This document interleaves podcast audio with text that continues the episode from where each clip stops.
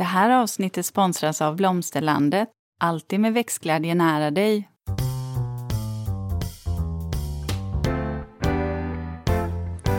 Välkommen till Ulrika och Lindas trädgårdspodd och det är jag som är Linda Kjellén, trädgårdsmästare. Och det är jag som är Ulrika Levin, trädgårdsdesigner. Och idag, kära lyssnare, så ska vi prata om funkisträdgården. Och ja, kanske snarare om hur man ska tänka när man ska planera sin funkisträdgård.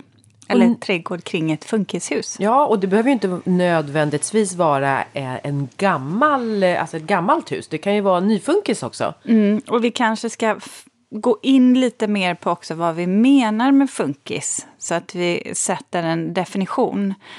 Eh, men du Linda, jag ställer som alltid frågan. Hur, hur har din vecka varit den här jo, veckan? Då, den här veckan den går väl som vanligt i att tiden inte räcker till. Den räcker inte till Ulrika.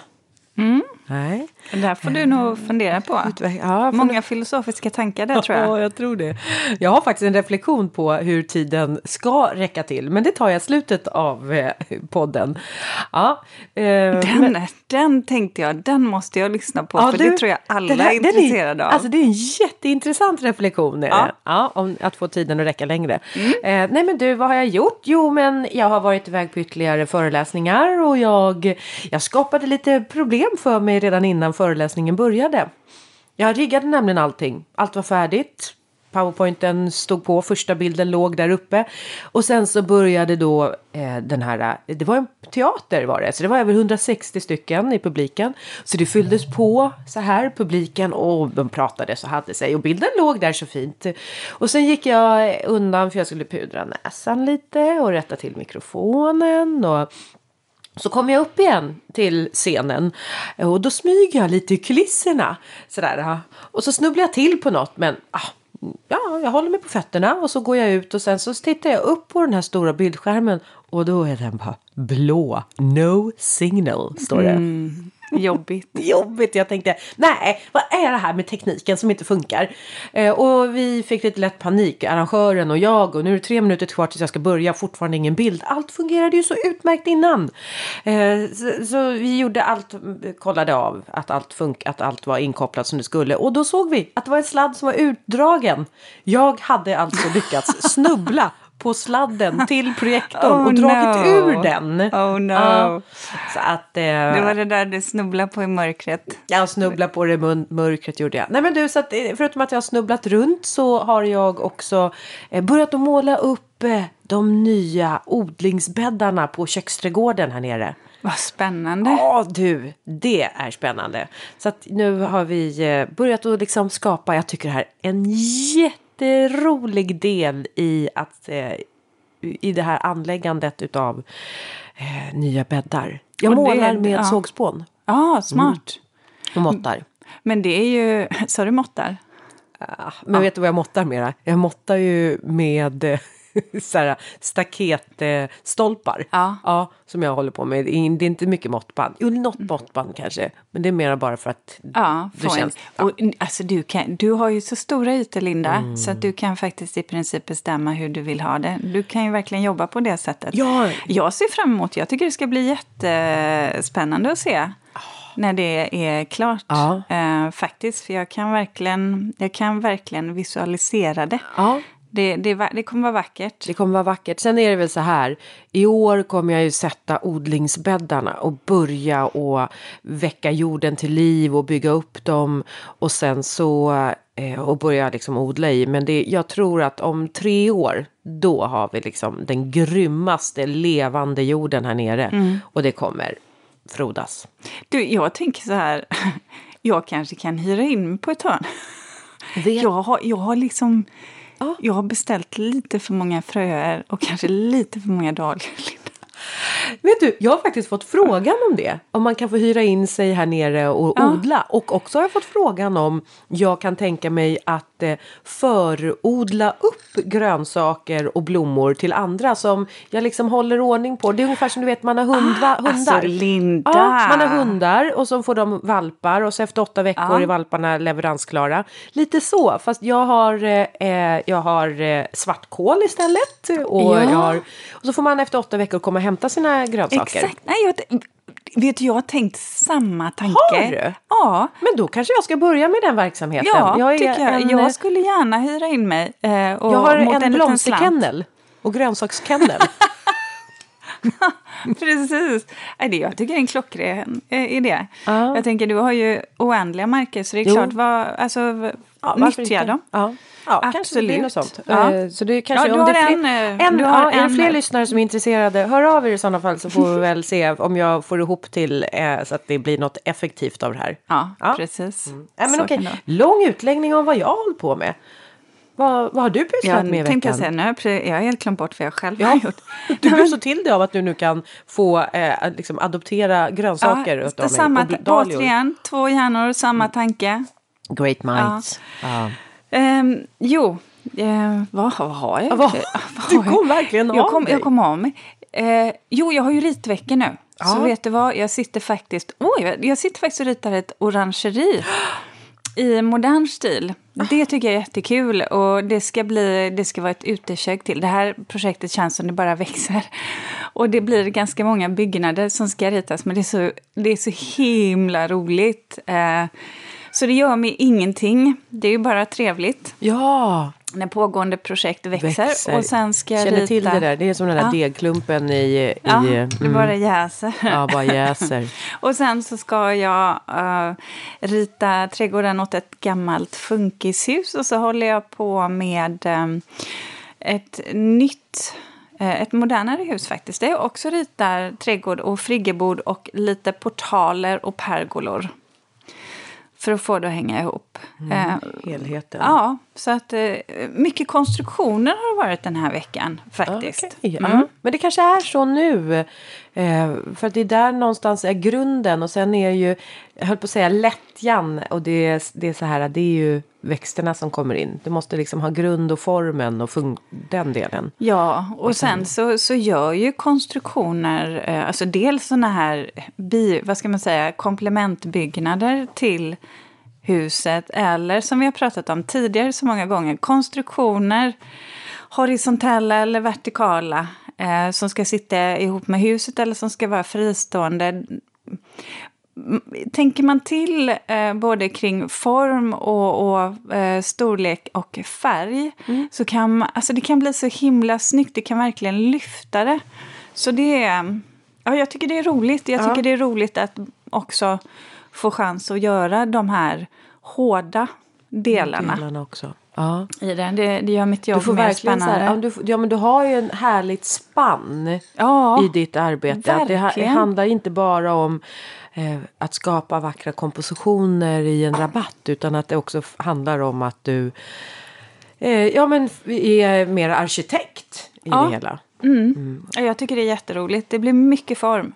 Mm. Mycket form. Och så bra, du vet, bra bra hantverkare, de fattar, eh, man behöver inte rita ner in i detalj. Kunden också så här, men en, grovt, alltså, vi kan inte se det framför oss, hur, hur tänker du rent estetiskt? Och så du vet, så jobbar man ihop. Mm. Och det, det tycker jag är vansinnigt kul. Jag får ju mycket förtroende då från kunden och det, det, det betyder mycket. Mm. Ja, men de, de vet vad du går för. Det är därför de har valt dig. Än ja, det är en gammal, gammal kund. Ja, men du ser. Mm. Men du, ska vi gå på ämnet? Mm. Ja, lite sådär generellt då. Finns det en, eh, egentligen en trädgårdsstil som kan kallas funkisträdgård? Nej, det gör ju egentligen inte det. För det är ju en arkitekturstil snarare. Och um, som kommer på 30-talet. Det är egentligen en svensk... Alltså funkis eller funktionalismen, det är ju en svensk version eller variant av eh, modernismen mm. som kommer mm. på 30-talet. Och man kan ju givetvis då fundera på Bygger man funkishus idag, för man vet ju att det står ibland i ja, men i så här mäklarannonser, nyfunkis. Men jag kan ibland fundera på om funkis kanske var här liksom under 30 till 50-talet och sen kanske det snarare är så att det är en del av modernismen um, som vi bygger idag. Mm. Det som, så att, ja, det, jag tänker så här, jag lämnar det till arkitekturhistorikerna. Eh, men jag tror att de flesta förstår eh, när vi pratar funkis i alla fall att det handlar om byggnader som är byggda i, vad ska man säga, som ett rätblock egentligen. Eh, med platta eller väldigt flacka tak.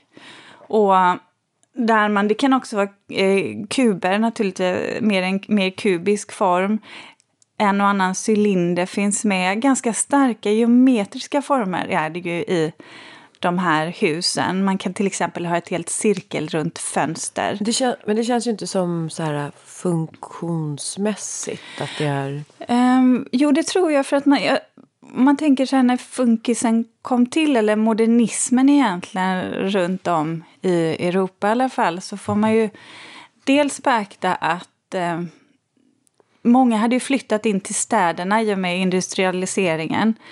Vilket gjorde att man bodde trångt. Folk var ganska sjuka. Alltså TBC skördade ju otroligt många människoliv i, i Europa i början på 1900-talet. Mm. Och då, någonstans där så, det botemedlet man hade då, det var ju ljus och luft.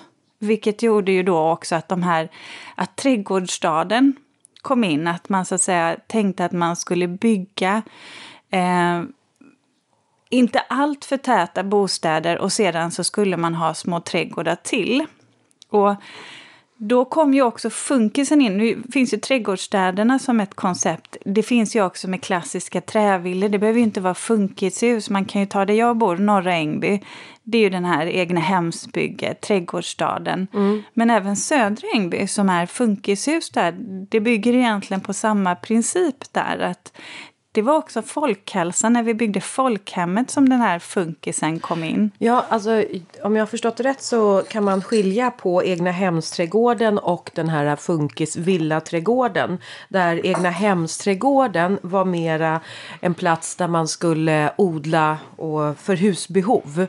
Eh, och sen så har vi villaträdgården som var mer en plats där, precis som du säger, var anpassad för vila och, eh, och rekreation. Mm. En vacker plats både för kropp och själ. Och något som var, något som var centralt för funkis eh, det var ju faktiskt att eh, formen skulle följa funktionen. Mm. Alltså att funktionen var viktig. Det vill säga snarare så att, att eh, man byggde runt de olika eh, funktionerna.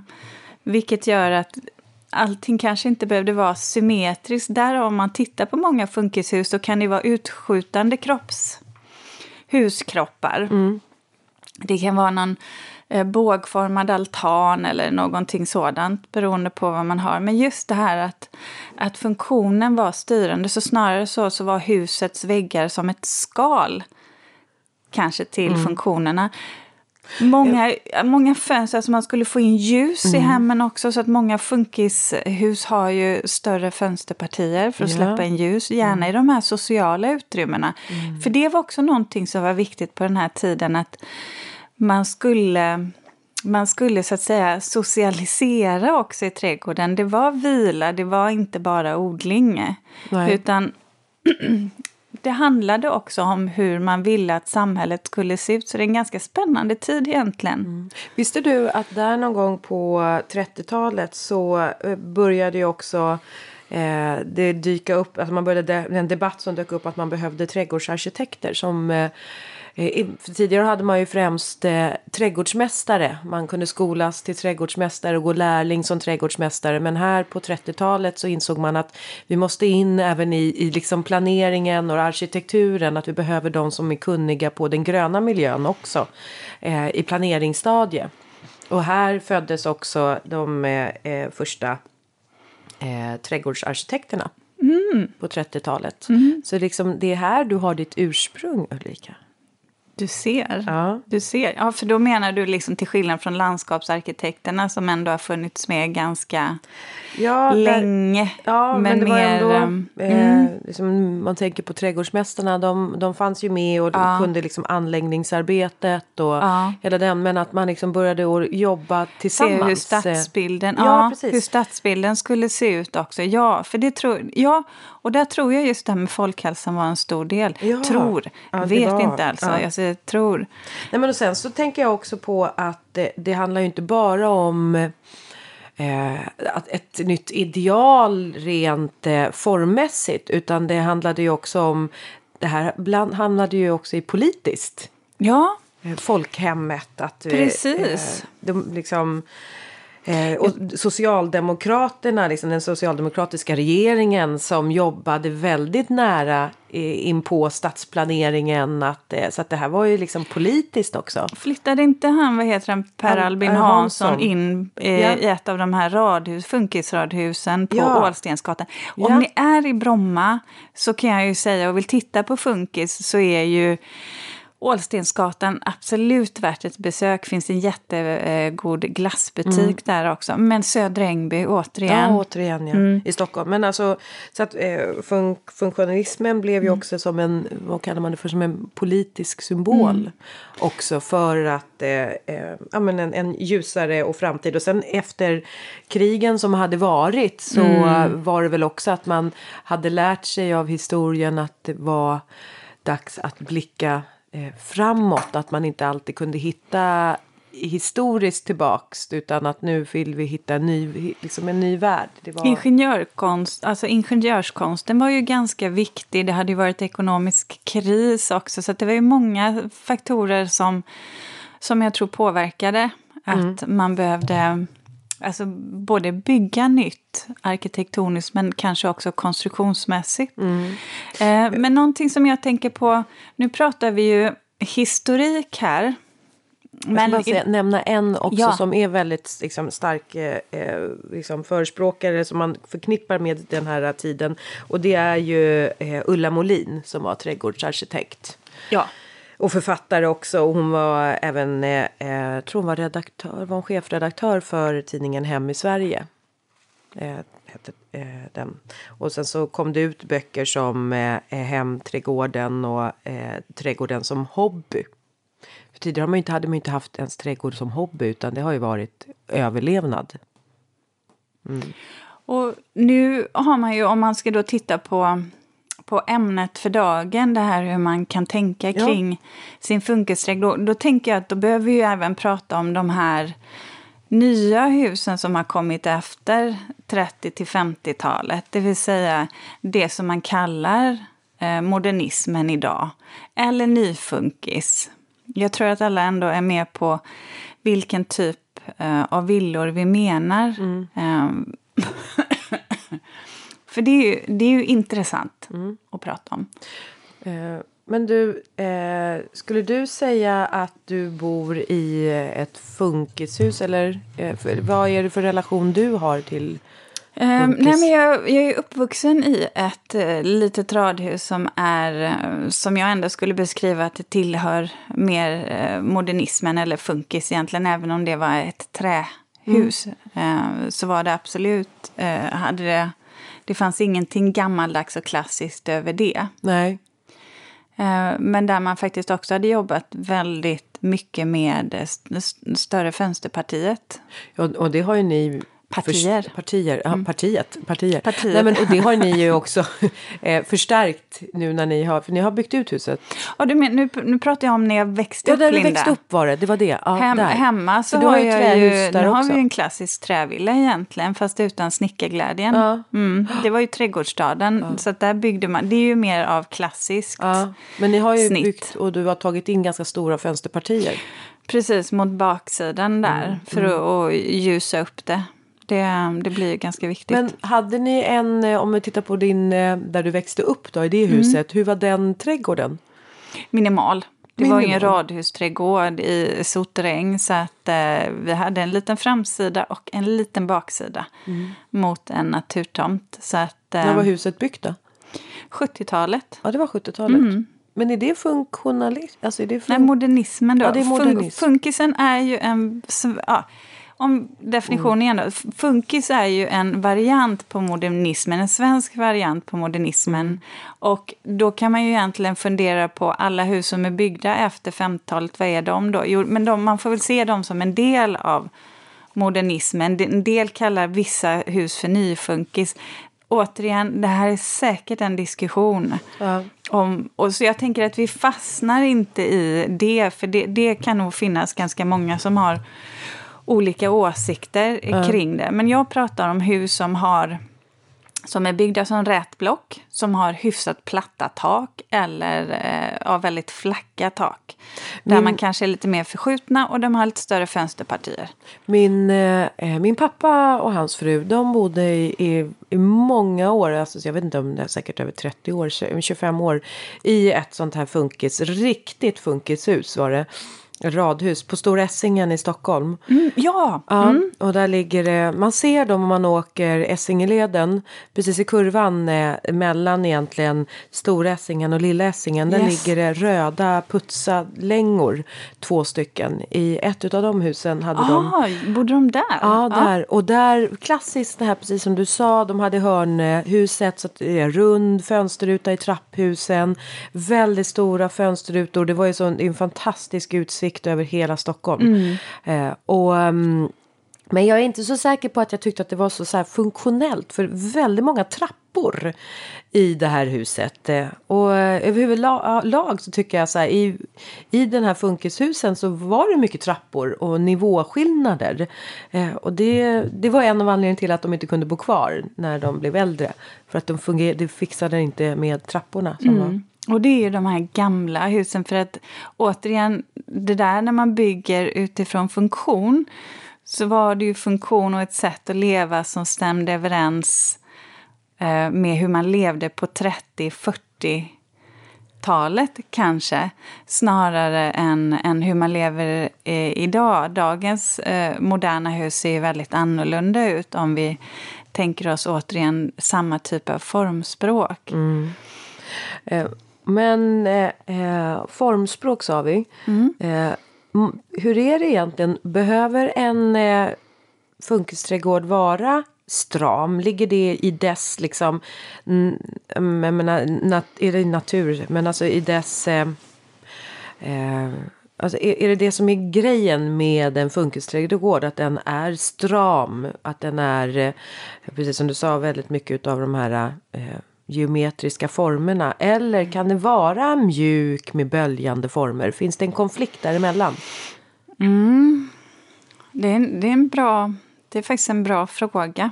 Uh, för att så här, egentligen så skulle jag vilja säga att det beror ju var, var huset ligger. Om det är en naturtomtskaraktär på, på tomten ja då kanske man skulle gå mot det lite mer yviga, det lite mer organiska. Eh, men samtidigt så skulle jag nog vilja säga att jag skulle nog alltid ta upp någonting i trädgården som spelar an på en stark geometrisk form. okay, vad skulle det kunna vara då? Det kan ju vara rektanglar. Mm. Det kan vara en gång på diagonalen eh, som binder ihop två andra gånger som man kan gå tvärs över. Vad får du, vad får du rektangelformen då? Är det en rabatt eller vad får du in den? Eh, både och. Du kan ha det på gångarna eller du kan ha det i dina rabatter, alltså dina planteringar. Sen kommer ju planteringarna i sig vara kanske det som är lite mer yvigt eller lite fritt och då kan man ju väva in andra perenner för att få, eller växter för att få kontraster. Eh, du kan ju också man kan ju också jobba med cirklar, ellipser. Det, alltså, men bara att man har det här lite mer... Ellips? Det är som en ihoptryckt cirkel, vet du, så här. Den ja, blir lite mer den lite mera, Ja, precis. Mm. Avlång, ja. Så det. det. finns ju flera olika sätt. Och sen kan du ju ställa saker och ting upp så att du kan ha en portal som är formad som i en rektangulär form. Mm. Så det finns ju många, eller obelisker, så jag skulle nog ändå välja att ta in de här geometriska formerna. Alltså för till de här funkishusen och de moderna husen så har man oftast väldigt fina linjer i huset.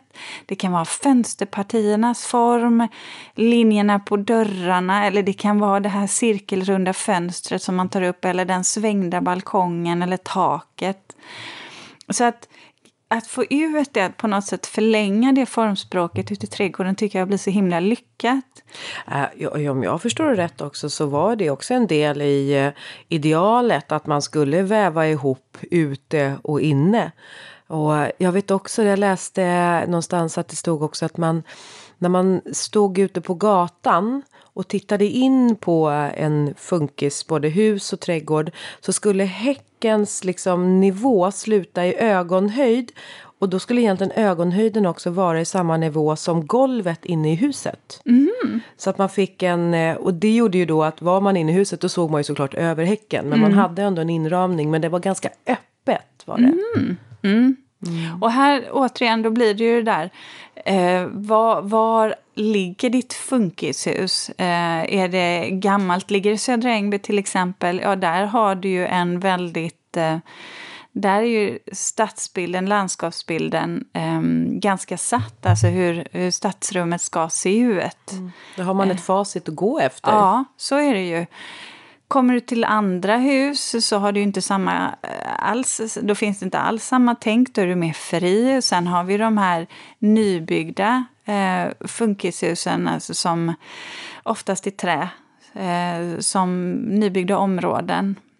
Eh, och där får man ju verkligen börja från scratch. Mm. Och vad skulle det kunna vara då, om man börjar från scratch i en nybyggd nu säger vi ny funkis men modernistiskt ja, hus. Ja, modernt. Vad skulle det kunna vara att man börjar från scratch? Formerna geometriska. Ja. Eh, och då undrar jag också lite om eh, eh materialval liksom, eller... Mm. Mm. Eller ska vi ta de sociala ytorna först kanske? Linda, visst är vi stolta över att ha en sponsor till dagens avsnitt? Ja, och det är Blomsterlandet. En trädgårdsbutik nära dig med butiker över hela landet och en e-handel som är öppen dygnet runt. Välkommen! Ja, då är ju alltid de viktiga och här tänker jag att det kan ju vara lite det som är lite kruxet när man har ett eh, 30-talshus. De är inte alltid anpassade för hur vi vill ha det idag. Det, det var ganska eh, minimala möbler och, och, ganska trångt där ändå. Eh, på dem. Eh, Medan man då nu då eh, jobbar med lite större eh, uteplatser eller sociala miljöer, vill, vill använda dem lite annorlunda. Men absolut, det är en viktig del i det hela. Eh, möjligheten att se ut är ju också viktigt. Att både få in ljus och få in landskapet kommer alltid spela stor roll när man har så fina när man har så fina fönster. Och då betyder det att man kanske ska ha en hyfsat öppen trädgård? Ja, det skulle, jag, det skulle jag vilja säga. Eller i varje fall att man kanske då delar upp den. Och... Framsidan öppen? Ja.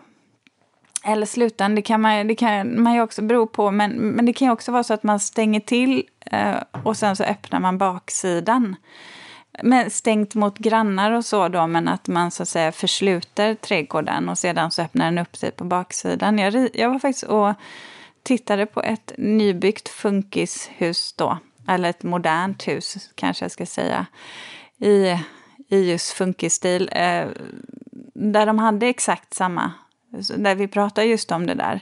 Ja. Och då blev det då var det ändå en kund som gärna ville ha lite böljande former men där man ändå rätar in, man tog ändå gångar och så. De blev ganska strama. Och så jobbade vi med trä eller så jobbade vi med eh, sten, alltså granit, granithällar i rektangulära former. Så vi höll ihop det och sedan så då portaler igen. Eh, så att vi hela tiden jobbade med det. Men sedan så fick faktiskt eh, planteringarna bli lite mer böljande, lite mer ja, fria. Mm, du får in de böljande formerna. Mm. Mm. Så att det behöver inte vara antingen eller, men just till, till moderna hus eh, och funkis kan jag tycka att det, det är fint att plocka upp eh, en stark och tydlig form. Och det, det gäller faktiskt oavsett om det är eh, ett, ett gammalt funkishus från 30-talet. Däremot så kommer man till en, en uppvuxen trädgård Eh, så är det ofta så att då har man ju ofta plockat in de här klassiska trädgårdsväxterna. Och det får man ju också på något sätt förhålla sig till. Mm. Men om vi ska komma in då på materialval. Du sa att du hade in något trä. Men var det något specifikt material trä? Eller var det, var det furu? Eller var det lärk? Eller var det... Trall. det får man ju välja egentligen vad man vill ha. Eh, jag skulle ju välja något som var, i varje fall där, eh, att man väljer något som är miljöklassat mm. i så fall. Ja. Jag tänker Och det annars... finns ju olika, det kan man googla faktiskt. Ja. Det finns ju Keboni till exempel. Eh, jag ser annars framför mig lite så här uppmurade terrasser. Mm. Och kanske balkonger som är mera lite kraftigare eh, utformade där man liksom har murat upp dem som att de står på, i, på stolp som är liksom, ja. Ah, pelare tänker pelare du på? tänker jag på. Mm. Ja, det, det, finns säkert, det beror ju återigen på från hus till hus vad det är. Många av de här nya funkishusen är ju också enplan. Mm. Uh, behöver ju inte nödvändigtvis, eller mer de moderna husen kanske vi ska säga. Men grus då? Är det någonting man har till en funkisträdgård? Det tycker eller jag grus? absolut. Och framförallt i, uh, utifrån att du har... Uh, och röd kalksten är ju jättevanligt. Ah, för, vanligt, och ja. även en grå är ju väldigt vanligt inslag i, i gamla funkis gamla funkisträdgårdar. Så att jag tycker väl att man kan vara ganska fri och välja återigen. Det beror på men stil. En, men en gräsmatta verkar vara ett måste. För att det just handlar om rekreation och eh, eh det också är lite så här. Ja, men det signalerar ändå eh, att man har trädgården som en plats som mera är än just det här att man ska odla och att man ska utan mera en, eh, en viloplats. Och gräsmattan kan ju vara så himla enkel att göra om man vill få in den här eh, tydliga eh, geometriska eh, designen. Ja. Gör en ellips, gör en cirkel eller två cirklar som möter varandra så att det blir som en, inte riktigt som en åtta, men så att, ja, man kan hitta på så många mm saker med det där som blir väldigt roligt. Sen behöver ju inte planteringarna vara yviga så som jag beskrev dem, för man kan ju också ta upp de här formerna i en rund form. Ja. Eh, kan man ju till exempel ta upp i ett klot. Du kan göra en cylinder av bok eller blodbok beroende på var du bor eller avenbok för den delen.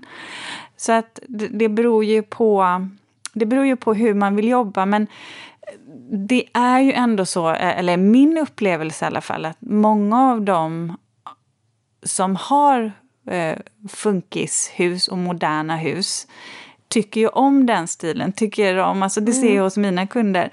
De tycker ju om stilen i ja, men huset. Den är så specifik. De tycker om det inredningen. Och ofta så följer det med ut i, i trädgården faktiskt. Det är väldigt... Jag ska fundera men jag undrar om jag någonsin har haft någon som eh, som är ägaren till ett modernt hus eller ett funkishus som har sagt att de vill ha typ English cottage garden det tror jag faktiskt inte. För annars så kan jag tänka mig att eh, man, man köper ett hus efter läge och då råkar det bli ett modernt hus. Så kan det Och då vara. kan det ju vara så att eh, kanske var den ena i, i hushållet, eh, partnern kanske tycker att det här är perfekt medan den andra är så här, åh jag bara längtar efter torpträdgården. Men man får ju aldrig till det för att det krockar så stilmässigt. Eh, Gör det. Men du, om vi ska titta på uh, växter då som kan vara vackra och som passar in i en uh, i den här typen av trädgård. Eh, vad skulle du ge lite för förslag på typ växter? Och om man tänker så här formstarkt eh, eller ska det vara naturalistiskt?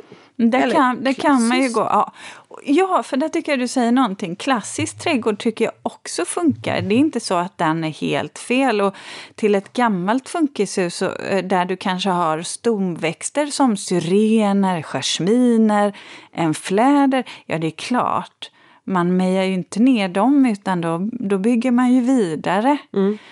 Så det tycker jag inte, det tycker jag absolut inte att man ska säga att det inte går. Eller att du inte kan ha en ros i en funkisträdgård. Det är klart man kan ha det. Men det kanske snarare handlar om dispositionen och själva layouten mm. av eh, trädgården som, som blir lite viktigare. Mm. Um, Nej, men jag kan tycka formstarkt, det pratar ju om några häckväxter som man kan använda. Eh, självklart idegran, alltid, om man vill formklippa eh, någonting. Det är väldigt, väldigt tacksamt. Mm. Eh, jag kan tycka att eh, ja, men allt som egentligen går att formklippa kan ju vara eh, trevligt. Jag kan tycka att, alltså så här, du vet formklippta träd kan vara riktigt snyggt också. Om, om man vill ha som en, eh, om ni tänker er eh, en, en triangel, eller inte en triangel, en rektangel fast på stam mm. som, går, som delar av trädgården på höjden. Det vill säga att du kan se under trädkronorna. Men så att säga där upp ovantill så ser du ändå, så har du eh, en barriär. Vilket kan vara jätteeffektivt om man så att säga har grannar där man inte vill få in eh, insyn i sovrummet. Så eller... delar man egentligen av trädgården uppe på höjden? Exakt. Spännande. Det kan vara jättefint att ha på vid en uteplats till exempel eller plataner. Eh, om andra mm. träd som går att formklippa är ju också tacksamma. Och det kan, de kan ju också vara cirkel formade naturligtvis. Eller det här yviga och sen har man någonting annat formklippt där nere. Men sen gräs. Självklart gräs i alla dess former. Mm. Tycker jag. Ja. kommer in som ja. ett självklart val. Eh, tänker man eh, om man ska liksom anlägga rabatter då? Ska de vara kring huset eller är det mera så formstarka rabatter i fyrkanter lite så här ute på gräsmattan som att man har liksom lagt dem som eh, eller är det mm, mera kring, eh, ja, kring huset? Um, kan vara både och och där skulle jag nog vilja säga att det kan handla om det är ett nytt hus alltså ett mer modernt hus nybyggt eller om det är eh, sen 30-talet. Däremot så älskar jag det här med de här förskjutna rektanglarna ja, eller kvadraterna som får flyta runt i eh, trädgården. Så att man någonstans återigen tar upp formspråket där på huset då. Eh, det kan vara så otroligt, otroligt snyggt. Mm. Och göra på det sättet. Mm. Och dra ut det. Så jag, ofta jobbar jag, ofta ska jag säga, med, med eh, starka geometriska eh, former när jag har den här typen av hus. För det, det känns så givet. Ja. Eller en avlång damm eller någonting som är en rektangulär spegeldamm kan ju också vara en sån sak som blir jag tänker supersnyggt. Också, ja, jag tänker också på som eh, hos min, eh, min bror och hans fru. De bor i ett hus som visserligen är byggt på 20-talet men eh, det, de måste ha gjort om det någon gång på 30-talet rejält. 30-40-talet med just en sån här plattsatt altan i eh, Ölandsten, röd Ölandsten. Men det som de har gjort där som är väldigt snyggt tycker jag. Det är att de inte har bara så här liksom fyrkantiga hörnor. Utan de har gjort hörnorna så att de är rundade. Mm. Är de. Eh, I den här. Och sen så är, ser man ju då hela. Eh, det blir som en mur också på nedersidan. Mm. Men att man har, och sen en damm, precis som du var inne på. Eh, bara en damm som bara är mitt i det här, all, den här altanen. Mm. Eh, med någon liten skulptur i. Ja, och det är det här jag menar, när, när, när vi säger stramt så, så tänker jag så här att då ska, då ska man undvika att låsa vid att stramt tråkigt eller stramt bara raka linjer. För det behöver det inte vara. Formstarkt kanske är ett bättre ord att använda. Mm. För det finns ju många, så att säga, eh, intressanta former yeah. eh, som ändå kan göra det. Om man nu tycker att det här med rektanglar eller kvadrater blir, blir eh, för mycket eller för stramt. Men, men jag kommer också ihåg, jag gjorde en funkis, eh, eller en trädgård till ett gammalt funkishus i, vad var det, Saltsjöbaden kanske. Nacka, eh, där, ja, men där det var en ganska, alltså det var en trädgård som man i princip hade bara lämnat eh, ett ny, gammalt område. Men där vi då verkligen jobbade med, som du sa, att svänga vissa hörn, mm. bågform, men sen så jobbade med alla gångar, alla ytor var, eh, sociala ytor var var rektanglar. Vilket gjorde att det här huset fick ju en helt annan känsla mm. sen. Ja. Eh, och karaktär. Eh, det lyfte hela huset där. Ja. Och trädgården på utsidan, super, super fint. De sålde det huset här nu. Jaha. Mm. Eh, ja, det blir så snyggt. kanske du hade varit intresserad av att flytta dit då Ulrika? Vad sa du? Du kanske hade varit intresserad av att flytta dit? Eh, nej. nej. Du trivs, du trivs bra där hemma? Ja, jag trivs bra. Mm. Det, är ju, så att säga, det är ju deras trädgård också ja, på ja, något ja, sätt. Det blir väldigt fint så här. Ja, det måste jag ju också säga. Jag tänkte på det, jag kom in till en annan kund här när jag var ute och åkte här i veckan. Ah, det är ju så roligt att se hur folk inreder också på, på insidan. Jag får, ju, jag får ju se otroligt många snygga hus. Och det är det som är så härligt, tycker jag. För det gör ju att jag också får vara lite av en kameleont. Ja, men exakt ja. Ursäkta, nu kommer hostan igen. Kommer hostan igen. Den kommer vi behöva dras med. Men du, jag, jag tänker så jag, jag tror inte jag har så himla mycket Nej. mer att säga om eh, funkisträdgården. Nej, jag tycker ändå att eh, man verkligen har fått med sig om att om man ska skapa en funkisträdgård så är de geometriska formerna ja. liksom nyckeln. Det är tacksamt. Ja. Och att det är där man börjar ifrån. Ja. Ja. Ja. Bra sagt Linda. Ja. Linda. Ja. Det, det, det, spelar stor roll. Även om du har kanske en naturtomt eller om du har en eh, bor mitt, eh, alltså, eller ett nybyggt område där du inte har någonting. Nej. Det kommer sätta stilen, det kommer förstärka ja. stilen på huset också. Och gräsmattan. Mm. Om, om, beroende på hur stor tomt man har. Ja, jo, men absolut. Men det känns Alla har ju inte 37 att, hektar. Mm, alltså ursäkta Ulrika, men det är faktiskt 39. Har det blivit 39 nu? Ja, men det har varit 39. Har det? Ja, nästan 40 hektar. Ja, kanske jag som har min, minns fel. Jag fastnar vid 37. Ja, nej, nej, nej, det förminskar mig. Ja. Verkligen inte. Nej, jag skojar. Nej. Men Linda, har du, ja. du hade ju någon bra reflektion ja. nu. Ja, men alltså för tiden går ju så väldigt snabbt gör den. Och jag hinner ju inte med. Eh, även om jag hinner med väldigt mycket. Men då, då faktiskt så sprang jag på. Eh, jag satt och pratade med min kompis och hon läste en jätteintressant bok. Och då så eh, började vi diskutera det här med tid. Och, och då så sa hon att i boken så fanns någonting spännande att läsa. Det var om kan man få tiden att gå långsammare? Eh, och då var det så här en tanke på, ja, och då var det så här, ja, men om man nu placerar sig på platser där tiden går långsamt. Till exempel i ett väntrum. Alltså när man väntar på att det är dags för mig. Ah, men det är inte min tur ännu. Eller liksom. Ja, ah. så, så det är upplevelsen av ja. att tiden går långsamt. Inte den faktiska tiden. För det tänker jag, det är jävligt svårt att göra någonting åt. Såvida du inte drar ut i okay. rymden. Ja, då är det typ upplevelsen av att det känns som att oh, men nu ja. jag får ännu mera ja, tid. Liksom. Åh, så här.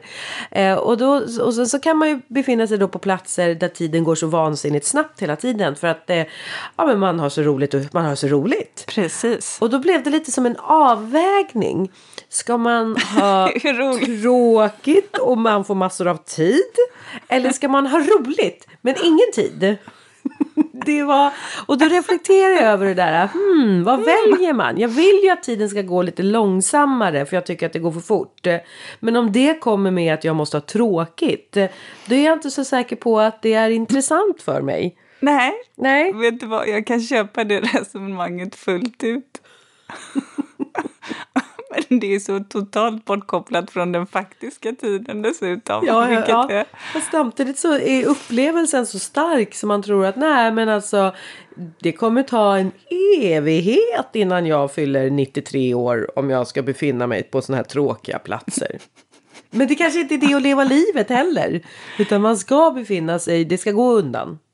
Ja, och någonstans då som jag, jag tänker sådär just när det är så här himla intensivt, då får man ta en dag i taget eller så får man dela upp den oh. dagen så att man bara, ja men du vet, man måste känna, man får sätta delmål och man får bara komma oh. dit. Oh. Men det är klart, det är jobbigt när man aldrig hinner med det man ska eller hela tiden känner att, att man ligger i bakvattnet där. Ja, jag har den upplevelsen, jag har haft den ganska länge så att, eh, ja jag kanske... Mm, mm, jag, jag, måste... jag precis, vet du vad? Mm. Jag är precis tvärtom nu, vilket jag är inser är så provocerande ja, att säga inför dig. Det är verkligen provocerande för mig. Men jag tänker så här så. att, att eh, jag genomgår en enorm, alltså genomgå en flytt mm. med brutet ben och dessutom flytta till en gård som höll på att rasa ihop.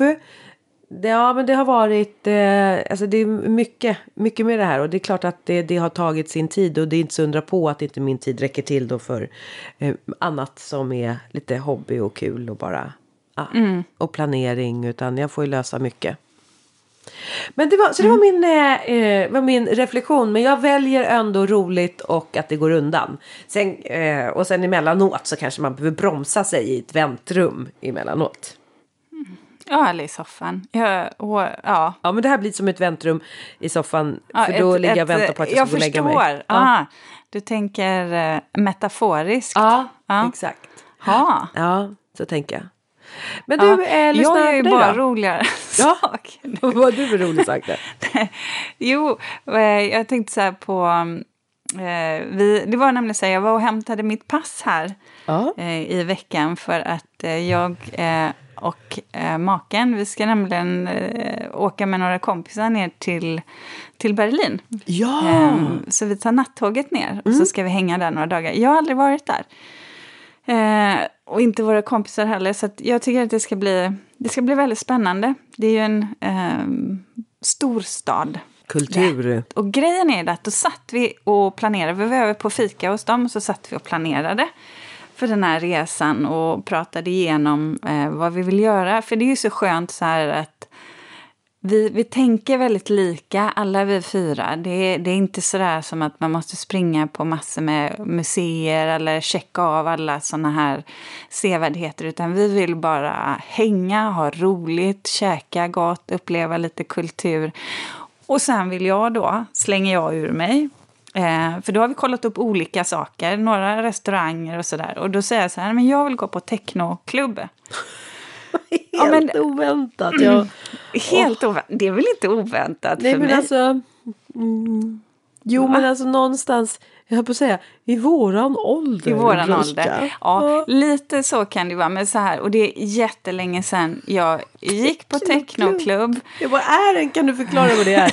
jag, jag, jag vet vad jag ser framför mig. Jag ser framför mig så här äh, blixtrande ljus som gör att när man ja. dansar så dansar man typ i slow motion. Nej, jag ska säga så här. Techno är ju en väldigt... Eh, det är ju en elektronisk musikgenre. Eh, den är, kan vara ganska hård, ganska ja. minimalistisk. Det är inte alltid sång.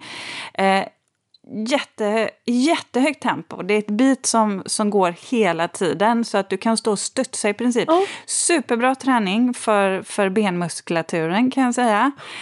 Total asocial, asocialt sätt att dansa på. För att du kan inte ha någon kontakt med någon annan. Eh, jag kan ändå tycka det är lite coolt, alltså, eller när jag var, har varit på sån här techno, ehm, eh, technoklubb och, och rave och sådär. Så, att, så ja, det är techno i och för sig bara jag i familjen är... som lyssnar på den oh, nej, det här typen är av musik. Som är... Du skulle bara hata ja, den här musiken. Gud, ja, ja, det, det, det, vet jag. Ja. Men i alla fall, så här.